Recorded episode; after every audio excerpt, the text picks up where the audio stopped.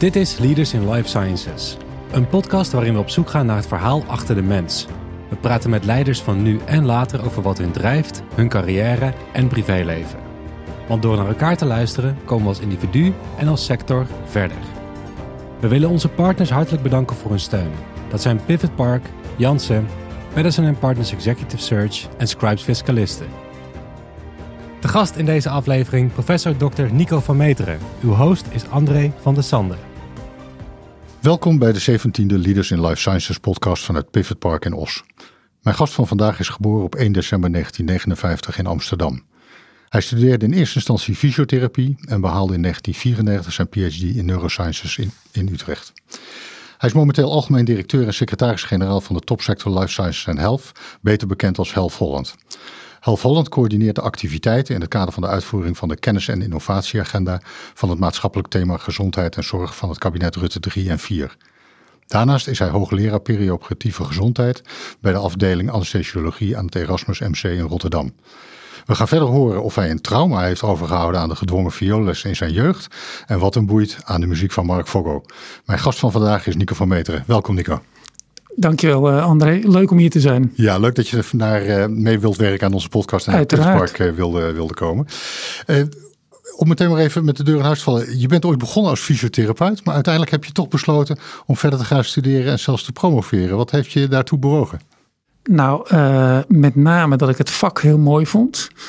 Maar dat ik dacht dat er nog heel veel achter de horizon van dat vak lag. En dat dat vak fysiotherapie heel erg doorontwikkeld zou kunnen worden. En dat het mooi is om te zien dat naast het medisch domein er ook, zoals dat in Amerika heet, een disability medicine bestaat. En dat hebben wij in Nederland wel eens vertaald als gevolgengeneeskunde. Veel meer kijken naar niet zozeer alleen de ziekte, maar ook wat zijn nou de gevolgen voor de ziekte van mensen in hun leven en in de maatschappij. En kunnen die mensen met die ziekte eigenlijk het leven boven de ziekte uittillen? Nou, daar zijn paramedici, verpleegkundigen, maar ook heel veel artsen steeds meer mee bezig. Om niet alleen uh, iemand gezond te houden, of eigenlijk ziekte te tackelen, maar met name met gezondheid als middel gezondheid als middel, belangrijk middel, om echt daarmee mee te kunnen doen en ertoe te kunnen doen in de samenleving. Nou, dat heb ik als fysiotherapeut in een verpleeghuis kunnen doen, uh, onder andere. Maar steeds meer kreeg ik het gevoel van er is meer. En dat heb ik uh, uiteindelijk aan het Rudolf Magnus Instituut voor Neurowetenschappen van de Universiteit Utrecht. Heb ik uh, echt letterlijk de uitnodiging gekregen. Joh, je leest veel, je doet heel ja. veel. Kom maar eens bij ons uh, in het Runemarkt. Dus stond, stond, ik dus echt met mijn uh, fysiotherapie brein stond ik in een top uh, instituut voor neurowetenschappen. Ja, het was wel even wennen, maar zoals je ziet, het is succesvol geweest. Je bent goed terechtgekomen. Uiteindelijk wel. Ja. En waarom neurowetenschappen? Wat was die, de specifieke interesse daarin? Nou, ik had een uh, zeer uh, begenadigd hoogleraar, Willem Hendrik Gispen. En die kon je helemaal inpakken op een aangename manier. En uh, ja, ik was meteen ook begeisterd van hem.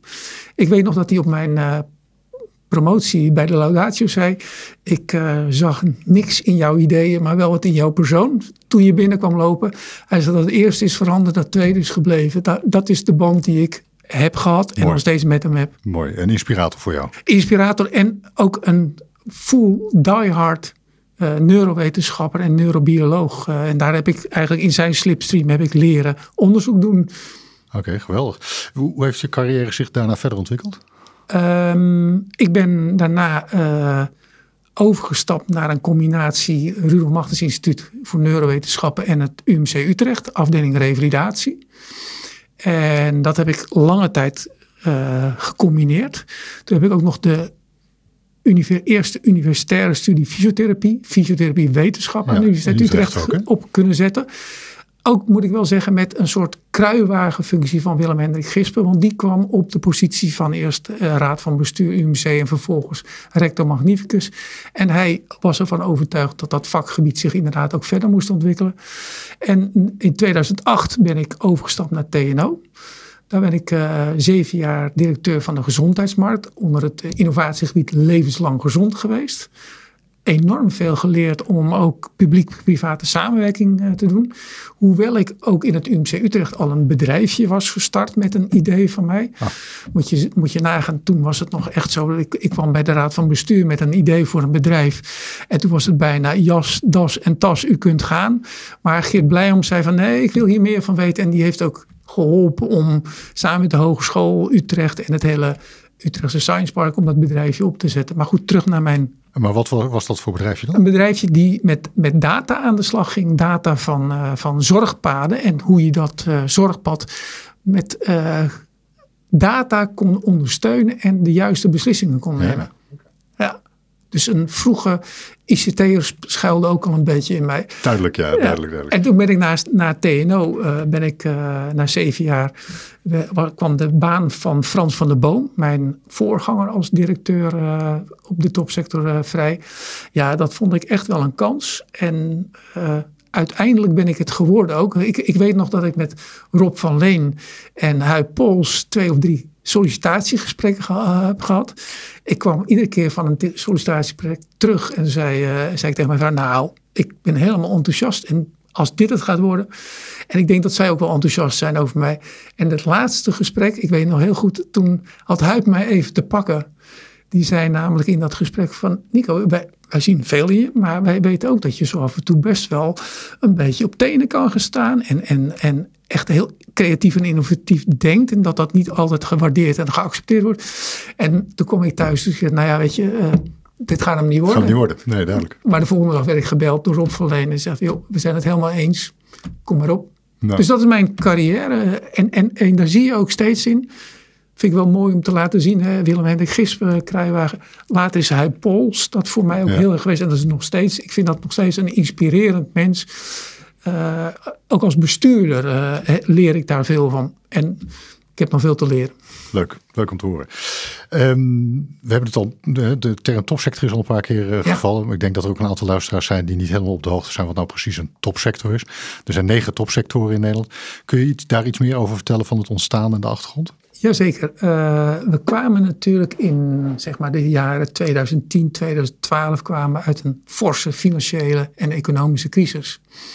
En onder het kabinet wat toen uh, aan uh, regeerde, werd er gekeken naar, hey, zou de kennis en innovatieinfrastructuur niet het bedrijfsleven op gang kunnen helpen met nieuwe producten en diensten te ontwikkelen en te valideren en dat het bedrijfsleven in de markt zit. Dan is er een soort win-win situatie. De kennisinstellingen komen weer helemaal op stoom. En het bedrijfsleven kan hiermee zijn voordeel doen. Zowel in Nederland als naar de export. Toen heeft men gekeken van, joh, wat zijn nou hele sterke sectoren in Nederland? Nou, uh, uh, je kan wel raden, uh, bijvoorbeeld water. Overal in de wereld ja. kom je ons als watermanagers tegen. Dat is een topsector geworden. Er zitten sterke bedrijven en sterke kennisinstellingen. En zo zijn er negen topsectoren. Overigens, er is er nu eentje bij, ICT. Die wordt nu gevestigd. Maar één van die negen was dus ook Life Science Health. En dat kan je ook om je heen zien. Hè? Als je kijkt in Leiden, hier in Pivot Park, in Groningen. Daar zijn grote uh, universiteiten, stevige universiteiten met UMC's. En daarnaast ook nog eens een keertje heel veel bedrijven. Een science park aan bedrijven eromheen.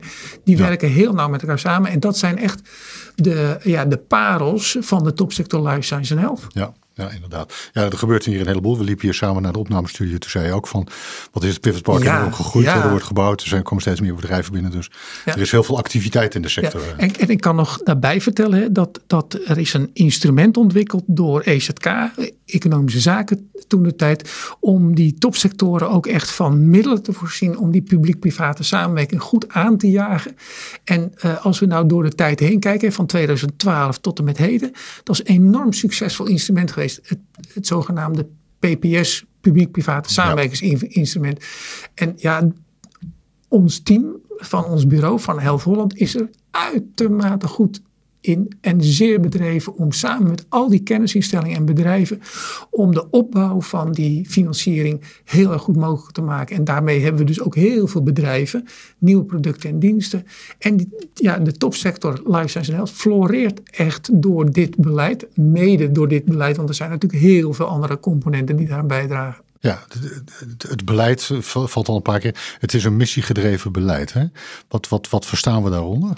Nou, dat is misschien wel goed om. Dat, tot en met 2019 was het puur topsectorenbeleid. Ja. En toen heeft men gezegd: hé, hey, dat topsectorenbeleid is, is, is uh, succesvol. Uh, maar het moet naast economische ook meer maatschappelijke impact gaan sorteren. En dat moet met veel andere partners dan alleen de publieke en private partijen die in de topsectoren zitten. En daaruit is het missiegedreven beleid met vier thema's ontstaan. Uh, en een van die vier thema's is gezondheid en zorg. En laat duidelijk zijn, in de eerste strategieperiode, de afgelopen vier jaar, 2020, 2023, hebben wij de coördinatie van de uitvoering van die kennisagenda die we samen met al die bedrijven, kennisinstellingen, burgers en de overheden hebben opgesteld. En nu zie je dat steeds meer ook VWS na de coronacrisis, hè, want dat was een behoorlijke klus voor VWS, steeds meer zijn rol kan pakken om samen met EZK, Economische Zaken, VWS en ons, om te kijken hoe gaan we de nieuwe strategieperiode inrichten. De governance, de inhoud, de kennisinnovatieagenda. Nou, dat, dat zal echt in de komende tijd anders zijn dan de eerste strategieperiode. Want we zijn nu bezig om die tweede strategieperiode 2024-2027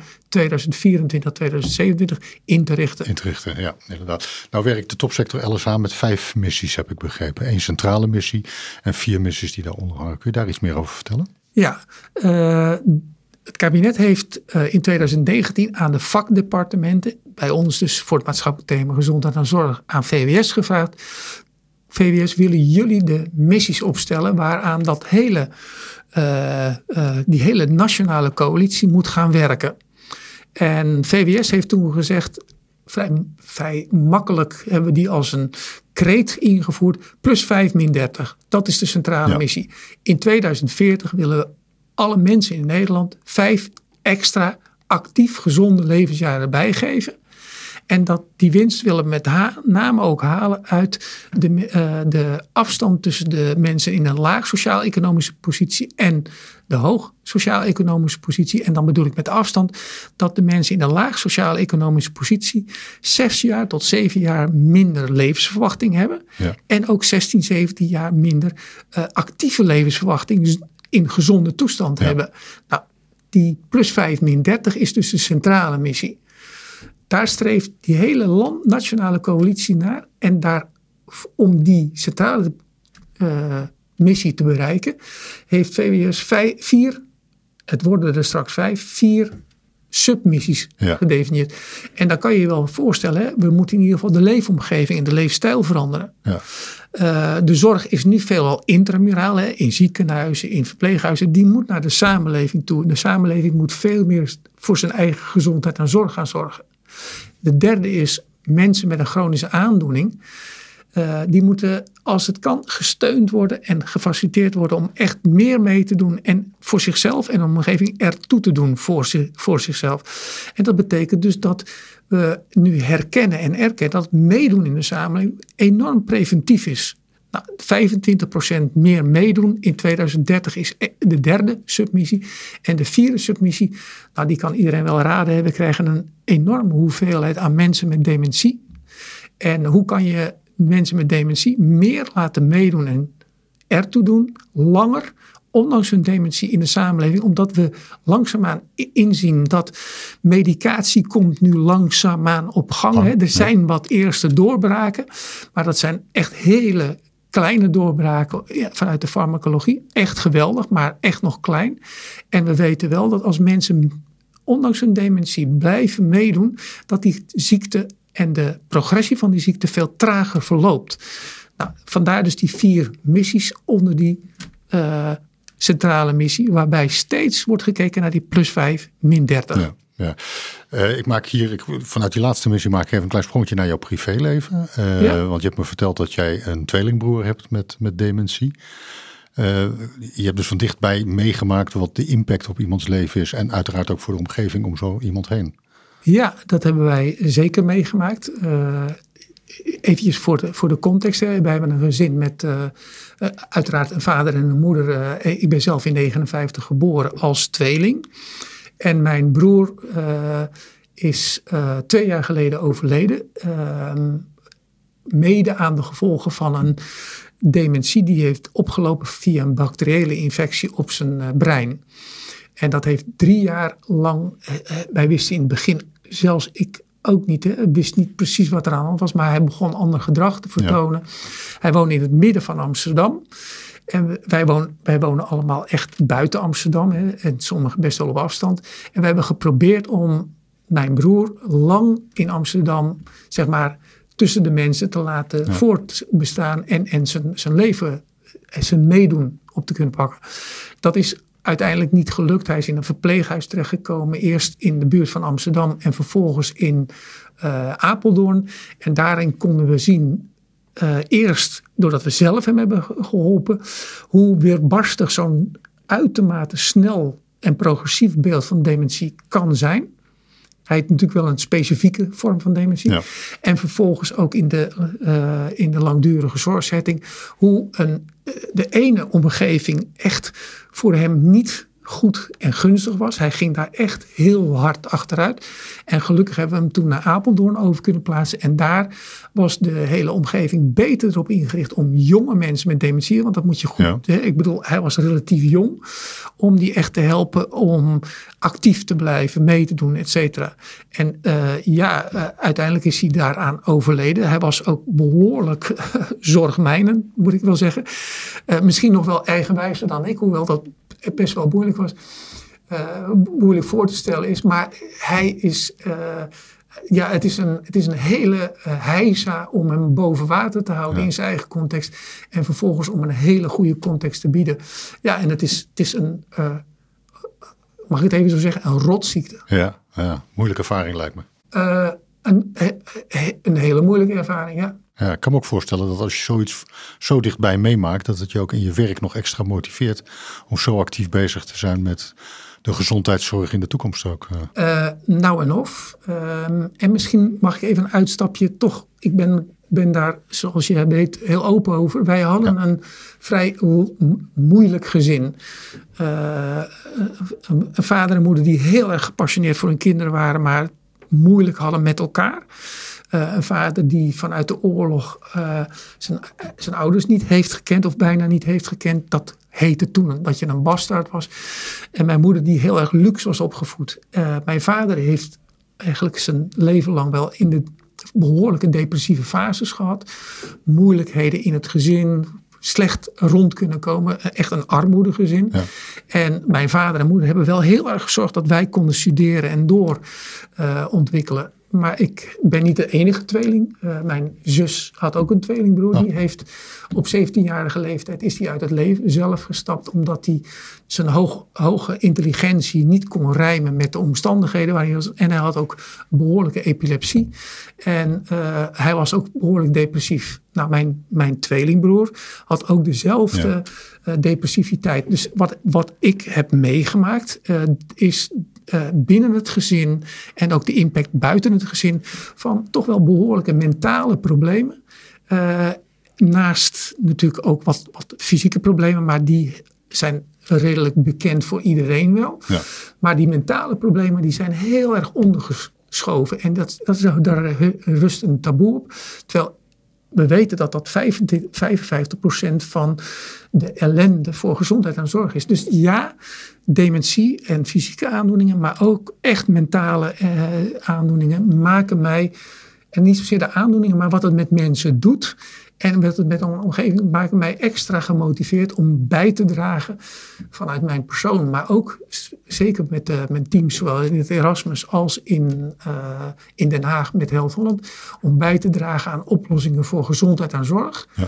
Omdat dat middelen zijn om heel goed mee te kunnen doen en ertoe te doen in je, in je omgeving. Ja, uh, dan hebben we het over missiegedreven beleid, uh, wel gedefinieerd uh, missiegedreven beleid. Maar hoe kom je nou van dat beleid naar tastbare resultaten? Hoe maak je die vertaalslag nou? Nou, ten eerste door die publiek-private partnerships volop te kunnen laten werken. Private partijen, uh, start-ups tot en met de grote bedrijven.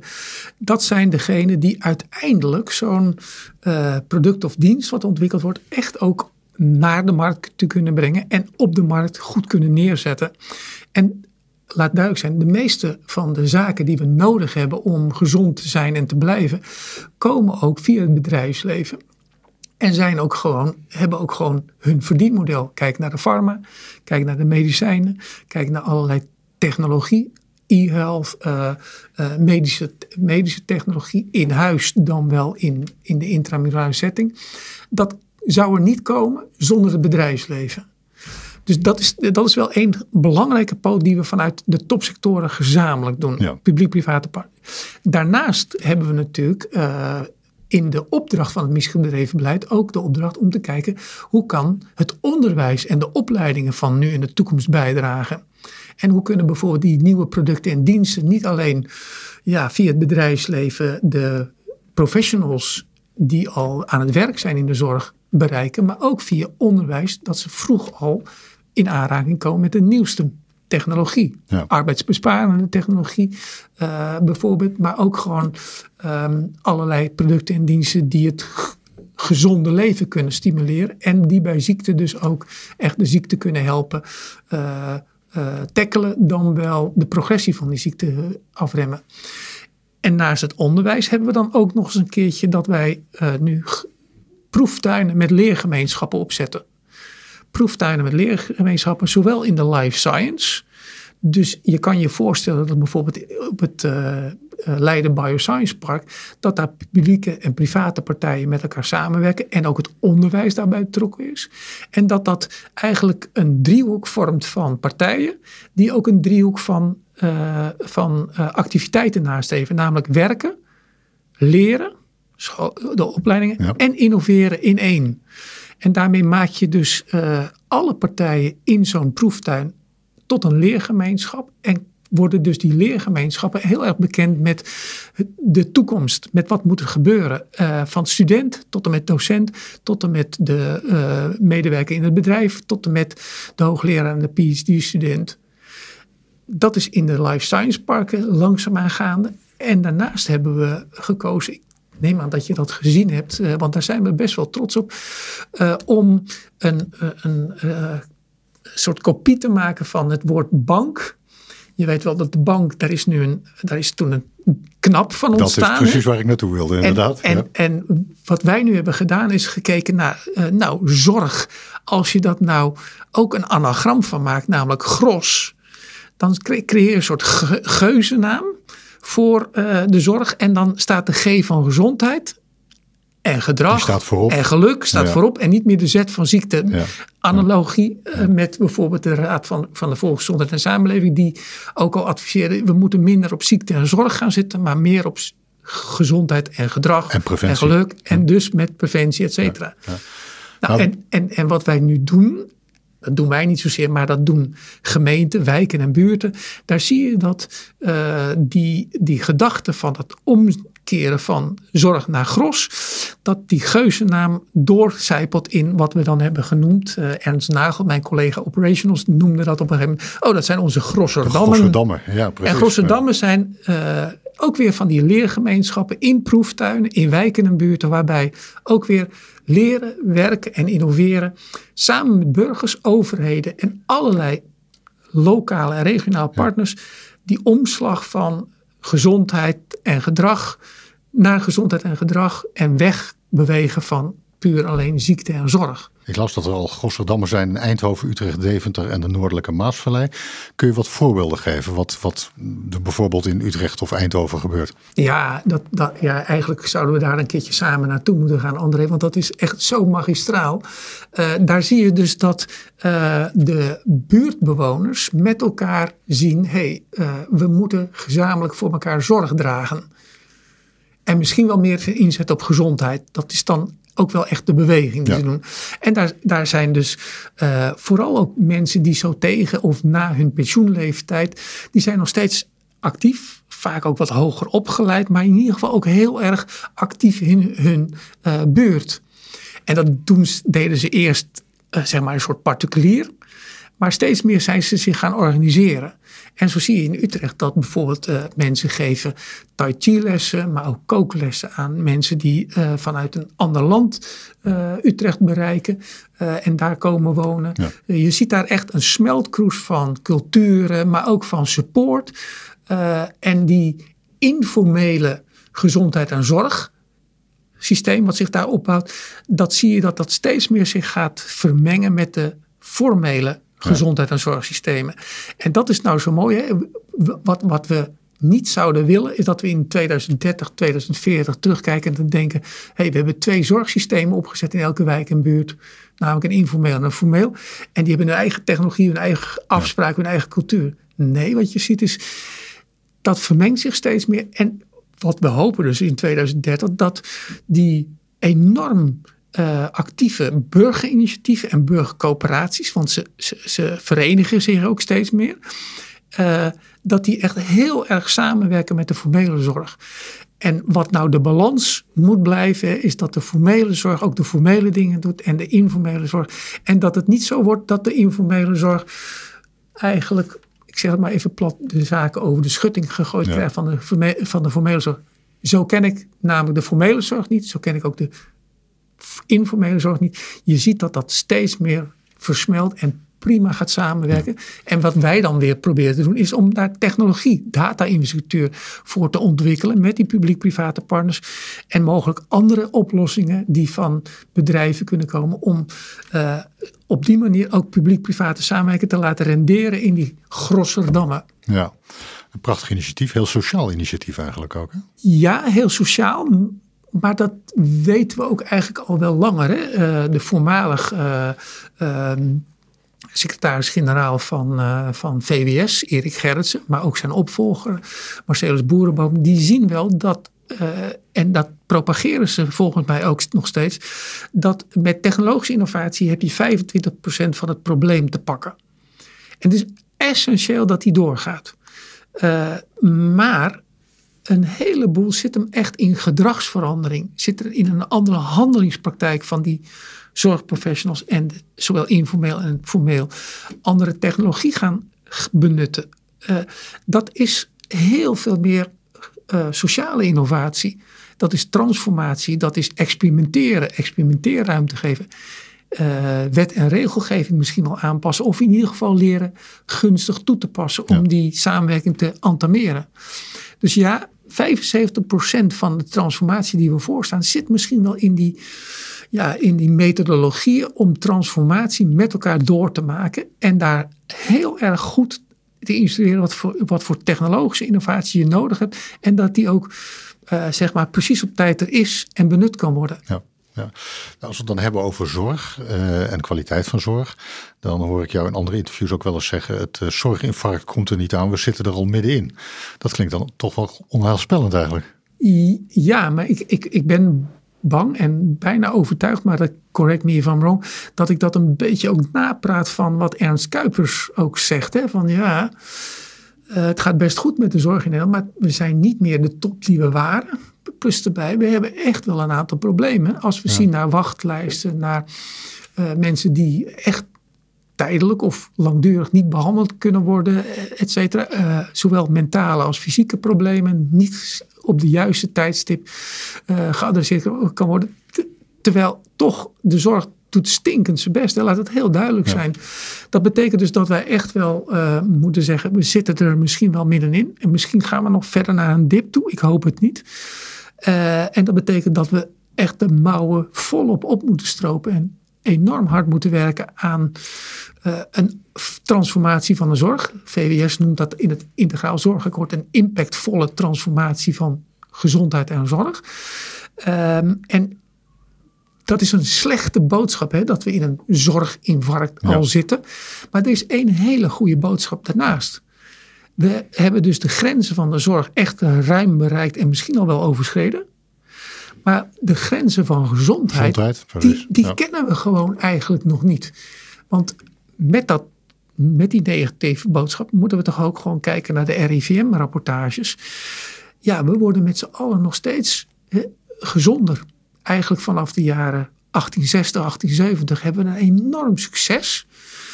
Uh, de generaties die we er bovenop hebben gezet met, met welvaart, met publieke, private samenwerking, met sociale en technologische innovatie. Ja, dat heeft bijgedragen aan een enorme toename van de Nederlandse welvaart en de levensverwachting. Ja.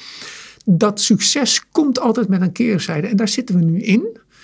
Uh, dat is, betekent dus niet dat ouderen een probleem zijn, in mijn opinie. Ouderen zijn een succesindicator van de samenleving. Zijn een enorm succes. Tekenen dat ook af. Maar hoe kan je dat succes continueren? Dat is nu de uitdaging. Dus ik heb een heel positief verhaal, mijn inziens. We zitten wel even in een dip, maar we zijn erin geslaagd om veel generaties bovenop de toenmalige generaties.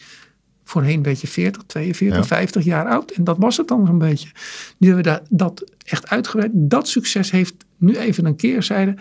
Maar we zijn dus in staat om, vermoed ik, nou ja, dat voorspel ik ook maar meteen, dat we dit succes kunnen continueren. maar daarvoor moet het wel echt anders. Ja, oké. Het woord preventie viel net even. Wat, wat doe jij zelf aan, eh, aan preventie, Jenneke? Uh, ja, ik ben, zoals met veel dingen, ben ik toch best wel uh, behoorlijk fanatiek en gepassioneerd. Ik, ik train eigenlijk elke dag al, ik denk van mijn achtste, negende, tiende jaar. Uh, ik ben ooit begonnen met voetballen. Ik, ik kon aardig keeper bij de amateurs. maar op mijn 24ste ben ik behoorlijk geraakt in een, in een duel in, in het voetballen.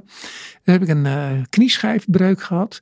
En toen ben ik eigenlijk gestopt. En eventjes, eventjes dit komt vast niet verder dan hier. Toen rookte ik ook nog en dronk ik ook nog echt een student. Je hebt wel een ommezwaai gemaakt. Ja, ja, ja, dat kan je wel stellen. En na die tijd in het gips en uh, gedoe ben ik gestopt met voetballen en met keeper. En toen ben ik gaan hardlopen. En dat is van kwaad tot erger gegaan. Zoals ook mijn wetenschapscarrière, zeg ik altijd maar, van kwaad tot erger is gegaan. Als ik iets doe, doe ik het goed, hoop ik. Uh, ik kan geen dingen half doen. En ja, dus ik train nu nog steeds, al 40 jaar, uh, echt elke dag. Ik heb wel een combinatie gevonden. Ik heb eerst ook nog triathlon gedaan, maar dat ging niet met mijn carrière. Dat, dat vroeg te veel tijd. Dus ik heb nog gezwommen, gefietst en, en, en hard gelopen ook een tijd. Marathons en halve triathlons gedaan. En vervolgens ben ik daarmee gestopt. En nu doe ik de, om de dag een lange afstand loop. of in de sportschool ijzervreten zoals dat heet. Ja, ja. En vandaar dat ik me gezond voel. En ik heb ook een uitdaging van thuis mee. Mijn vrouw is naast een leidinggevende in het Antonius ziekenhuis in Nieuwegein, is zij ook finoloog. En mijn oudste zoon is ook nog een stopkok. En mijn jongste zoon kan ook heel lekker gewoon echt koken. Dus ja, ik heb een uitdaging. Dus je moet wel. Ik, ik, ik, het is geen keuze ik train om te eten en te drinken, André. het, is, het, is, het is mijn lot. Maar je bent wel gewoon met de trein naar gekomen vandaag. Hè? Je, had, je had kunnen rennen natuurlijk. Maar... ik, heb er even over, ik heb het even overwogen, maar ik heb de trein genomen. Ja, ja, okay. Wat doe je nog meer om te ontspannen? Want ik, zoals ik in de intro al zei, je bent een muziekfan. Uh, uitgesproken muziek. Uh, uh, ja, ik ben, ik, ben, ik ben een leesfan, maar daar heb ik bijna geen tijd voor. Behalve in de vakanties. Dan verslind ik ook meteen een paar boeken. Um, ik vind het heel erg uh, gaaf om met onze twee kinderen en hun schitterende dames ook op pad te gaan. Uh, ik uh, ben onlangs echt met de twee dames in, hier vlakbij in Den Bosch ben ik een dagje wezen statten met ze. Dat was een feestje. dat soort dingen hou ik erg van. En ik mag heel graag met mijn vrouw, zeker op vakantie, enorm lange wandelingen maken tot wel 25 tot 30 kilometer. En dan echt de natuur in. Beetje frilziek uh, langs uh, afgrondjes en alles. Dat, dat soort dingen doe ik graag. Ja, en de muziek van Mark Fogo, dat is... Uh, ter ontspanning is een oude liefde van je, of niet? Ja, is een enorme. Ik weet niet of je wel eens gehoord hebt. Dat is, dat is enorme stampmuziek. Dat zou je misschien niet bij me verwachten. Want ik hou ook heel erg van klassiek. Hè. Vooral Bach is mijn, heeft mijn liefde. Maar ik hou ook erg van stampmuziek. Ik kreeg laatst van een oud student van mij, eh, Thomas Hogeboom, kreeg ik de staat doorgezeind. Ik weet niet of je dat kent. Nou, dat is hele ruige, maar hele gave stampmuziek ik mag dat graag uh, zo af en toe keihard. En dan in je eentje in de auto? Of, uh... Nou, ik, ik, zit heel weinig in de auto. Ik doe veel, maar uh, in mijn eentje met mijn oortjes in en dan eventjes flink die stammuziek op mijn hoofd. Dat vind ik heerlijk. Dat doe ik overigens niet met het sporten, want dan wil ik echt, dan, dan ben ik heel veel met in mijn hoofd bezig. Het is voor mij een soort mediteren, maar daar zit altijd wel mijn werk in mijn hoofd. Ja. Uh, deelt jouw gezin jouw passie voor gezondheid en fitness en uh, sporten in het algemeen? Of? Ja, uh, mijn jongste zoon, die is echt, dat is een klerenkast. en die traint, na wat rugproblemen, traint hij weer volop in, in de gym en alles. en dat, doet hij, dat doet hij heel fanatiek en ook heel goed. Uh, en uh, mijn oudste zoon die mag graag mountainbiken. Die is iets minder fanatiek op dat gebied. Maar die heeft hetzelfde als zijn vader en moeder. Als hij iets doet, doet hij het heel goed. En daarom is hij ook echt wel een van de... Uh, mag, mag, ik misschien niet van hem zeggen, maar dat zeg ik toch maar eventjes. Een van de talenten in Nederland op kookgebied. Hij is echt hij is nu 26, maar hij kan echt zo geweldig koken. En hij heeft een heel gaaf restaurant, Terroir, in, uh, in Utrecht. Uh, dat, dat heeft niet hij, maar dat heeft hij, daar is maar hij chef-kok. Chef ja. En daar, daar gaan wij met genoegen zo af en toe eens even langs om een vorkje te prikken, zoals dat nou, dat is, dus we delen heel veel passie. En mijn vrouw, mijn vrouw is echt een wandelaar en die sport ook best wel, maar, maar is met name ook in het gezin een hele sportieve geest. Ja. Dat is het bindmiddel van ons gezin. Leuk. Nou, goede tip. Uh, zeker ook voor mij vanuit Beeldhoven in Utrecht. Uh, ik ga het zeker een keer uh, proberen. Even terug naar de, naar de inhoud. Ja. in februari 22 presenteerde de stichting het zogenaamde, de zogenaamde transitieagenda Human Capital. Kun je daar wat meer over vertellen? Ja, ik, ik, gaf net al even aan hè, dat sociale innovatie, het andere gedrag, andere handelingspraktijk, andere mindset en cultuur in de beroepsbevolking voor gezondheid en zorg en in het informele, dat moet echt op gang komen. En daarom hebben we dus uh, beroepsverenigingen, uh, opleidingen en onderwijsinstellingen, zowel de publieke als private, als ook de life science onderwijs en opleidingen en science parks, die hebben we gevraagd om in drie initiatiefgroepen zitting te nemen. Om eens te kijken, wat moet er nou gebeuren als we in 2030 en 2040 die missies van VWS uh, voor elkaar willen hebben. En die hebben tegen elkaar ook gezegd, ja, dan moeten wij als beroepsverenigingen op allerlei gebieden en ook in de opleidingen moeten wij misschien wel een forse veranderslag gaan doormaken. Nou heeft uh, Marjan uh, net afgetreden als raad van bestuursvoorzitter van, van de NZA. En haar opvolger Kate Kervenzee hebben in 2015 en 2016 al rapporten uitgegeven van hoe zou de gezondheid en zorg beroepenstructuur en opleidingsstructuur moeten veranderen, willen we. En die hebben daar 2030, 2032 voor uitgestippeld.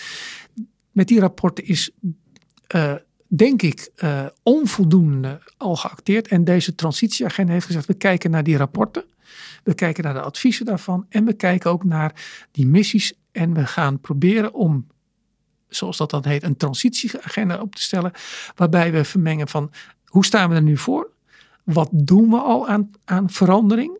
En wat zijn best practices van Ja. verandering? En wat vragen we van de bestuurderen van de opleidingen, van de beroepsverenigingen en dus ook van uh, de uh, Haagse bestuurderen om ons te helpen om die transformatie door te maken. Nou, dat is nu uh, op gang gekomen en wat ik heel erg mooi vind is dat die drie initiatiefgroepen, overigens samen met Regio Plus, de werkgeversorganisatie van onder andere collega Jelle Boonstra, dat die zien dat het uh, ministerie, uh, het uh, TAS, Toekomstbestendige Arbeidsmarkt Zorg, heeft uitgegeven. En daar zitten heel veel van de zaken die ook in die transitieagenda anderhalf jaar geleden zijn opgesteld, zit daarin.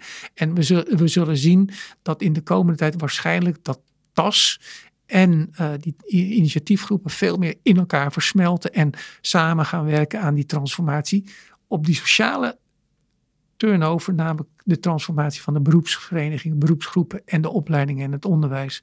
En dat allemaal, even teruggrijpend, in die proeftuinen in de gemeenschap, wijken, buurten en, en op de science parks, waar werken, leren en innoveren dan gezamenlijk die transformatie vorm moet geven. Ja, het is enorm veelomvattend, hè? want ik, ik las dat het uh, gaat over ruim 30 partijen die hierbij betrokken zijn. Ja? Over 1,2 miljoen zorgverleners en over Ja? 3,3 miljoen informele zorgverleners. Ja. Dat is een gigantisch uh, omvang. Ja. uh. Ja, wat dat betreft vind ik het ook wel mooi om eventjes te refereren aan Mariana Mazzucato, de grote bedenkster wereldwijd van het missiegedreven beleid. En die zegt ook, ja, we moeten misschien wel anders gaan kijken naar die publieke sectoren. Onder andere ook naar de gezondheidssector. Uh, ik denk dat wij dat in Nederland al wel deden. Uh, maar zij zegt ook letterlijk die publieke sector als zo'n gezondheid- en zorgsector, dat is een enorme motor van de samenleving. Ja.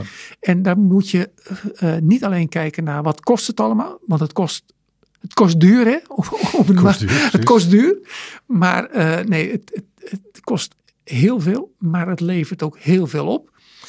Uh, nou ja, wat ik net al zei, de grenzen zijn wel overschreden. We moeten nu kijken hoe vinden we die, hoe herijken en hoe innoveren we die gezondheid en zorg om het weer de motor te laten zijn en te blijven die het al was. Maar nu nog meer succesvol en misschien ook wel wat minder kostend. Hm. Iets minder kostduur. Ja, want daar ligt natuurlijk ook nog een enorme uitdaging. Ja, ja maar dat, dat, ik denk dat uh, die informele zorg, die zich nu heel erg organiseert, hè, dat kan je zien aan Nederland Zorg voor elkaar. Jan Smelik speelt daar een belangrijke rol in met Wim van Est en zijn hele bestuur.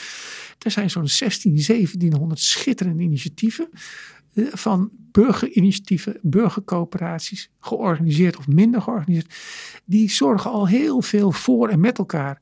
Daar zie je eigenlijk dat de ouderen, en dan bedoel ik niet alleen de gepensioneerden, dat die heel erg veel uh, met elkaar uh, structuren opzetten om in wijken en buurten met en voor elkaar te zorgen. Nou, uh, mooier kan het eigenlijk niet. Nee. wij hebben er eigenlijk voor gezorgd, zoals de Raad voor de Gezondheid en Samenleving ook zegt, dat er een derde levensfase op ons leven is gekomen. Veel mensen kunnen weliswaar niet allemaal evenredig, dat moet echt veranderen, genieten van een lange levensduur nog na, na de pensioenfase. En ja, heel veel mensen geven daar onbewust of misschien wel bewust een stukje terug aan de samenleving, die ook die opbouw van die derde levensfase heeft gezorgd. En daarmee ja, betaalt het zich dubbel en dwars uit dat die investeringen van vroeger ook renderen voor de toekomst. Ja, uh, mooie missie, mooie, uh, mooie uitdaging ook ja. natuurlijk naar de ja. toekomst toe. Um, we kennen elkaar al een paar jaar. Uh, ik heb je altijd leren kennen als een, een hele bevlogen man. Zo praat je ook over, over het werk wat je, wat je doet.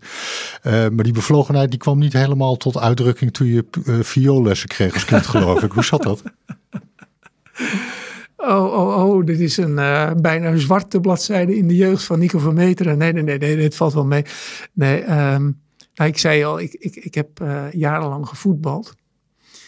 Uh, maar ons gezin, ondanks de armoede, wij moesten allemaal wel studeren en leren. En, en naast schools leren, moesten we ook muziek leren. Moesten we ook judo. moest, nou, judo, dat was natuurlijk best wel geaccepteerd. Daar kon je best wel mee over straat.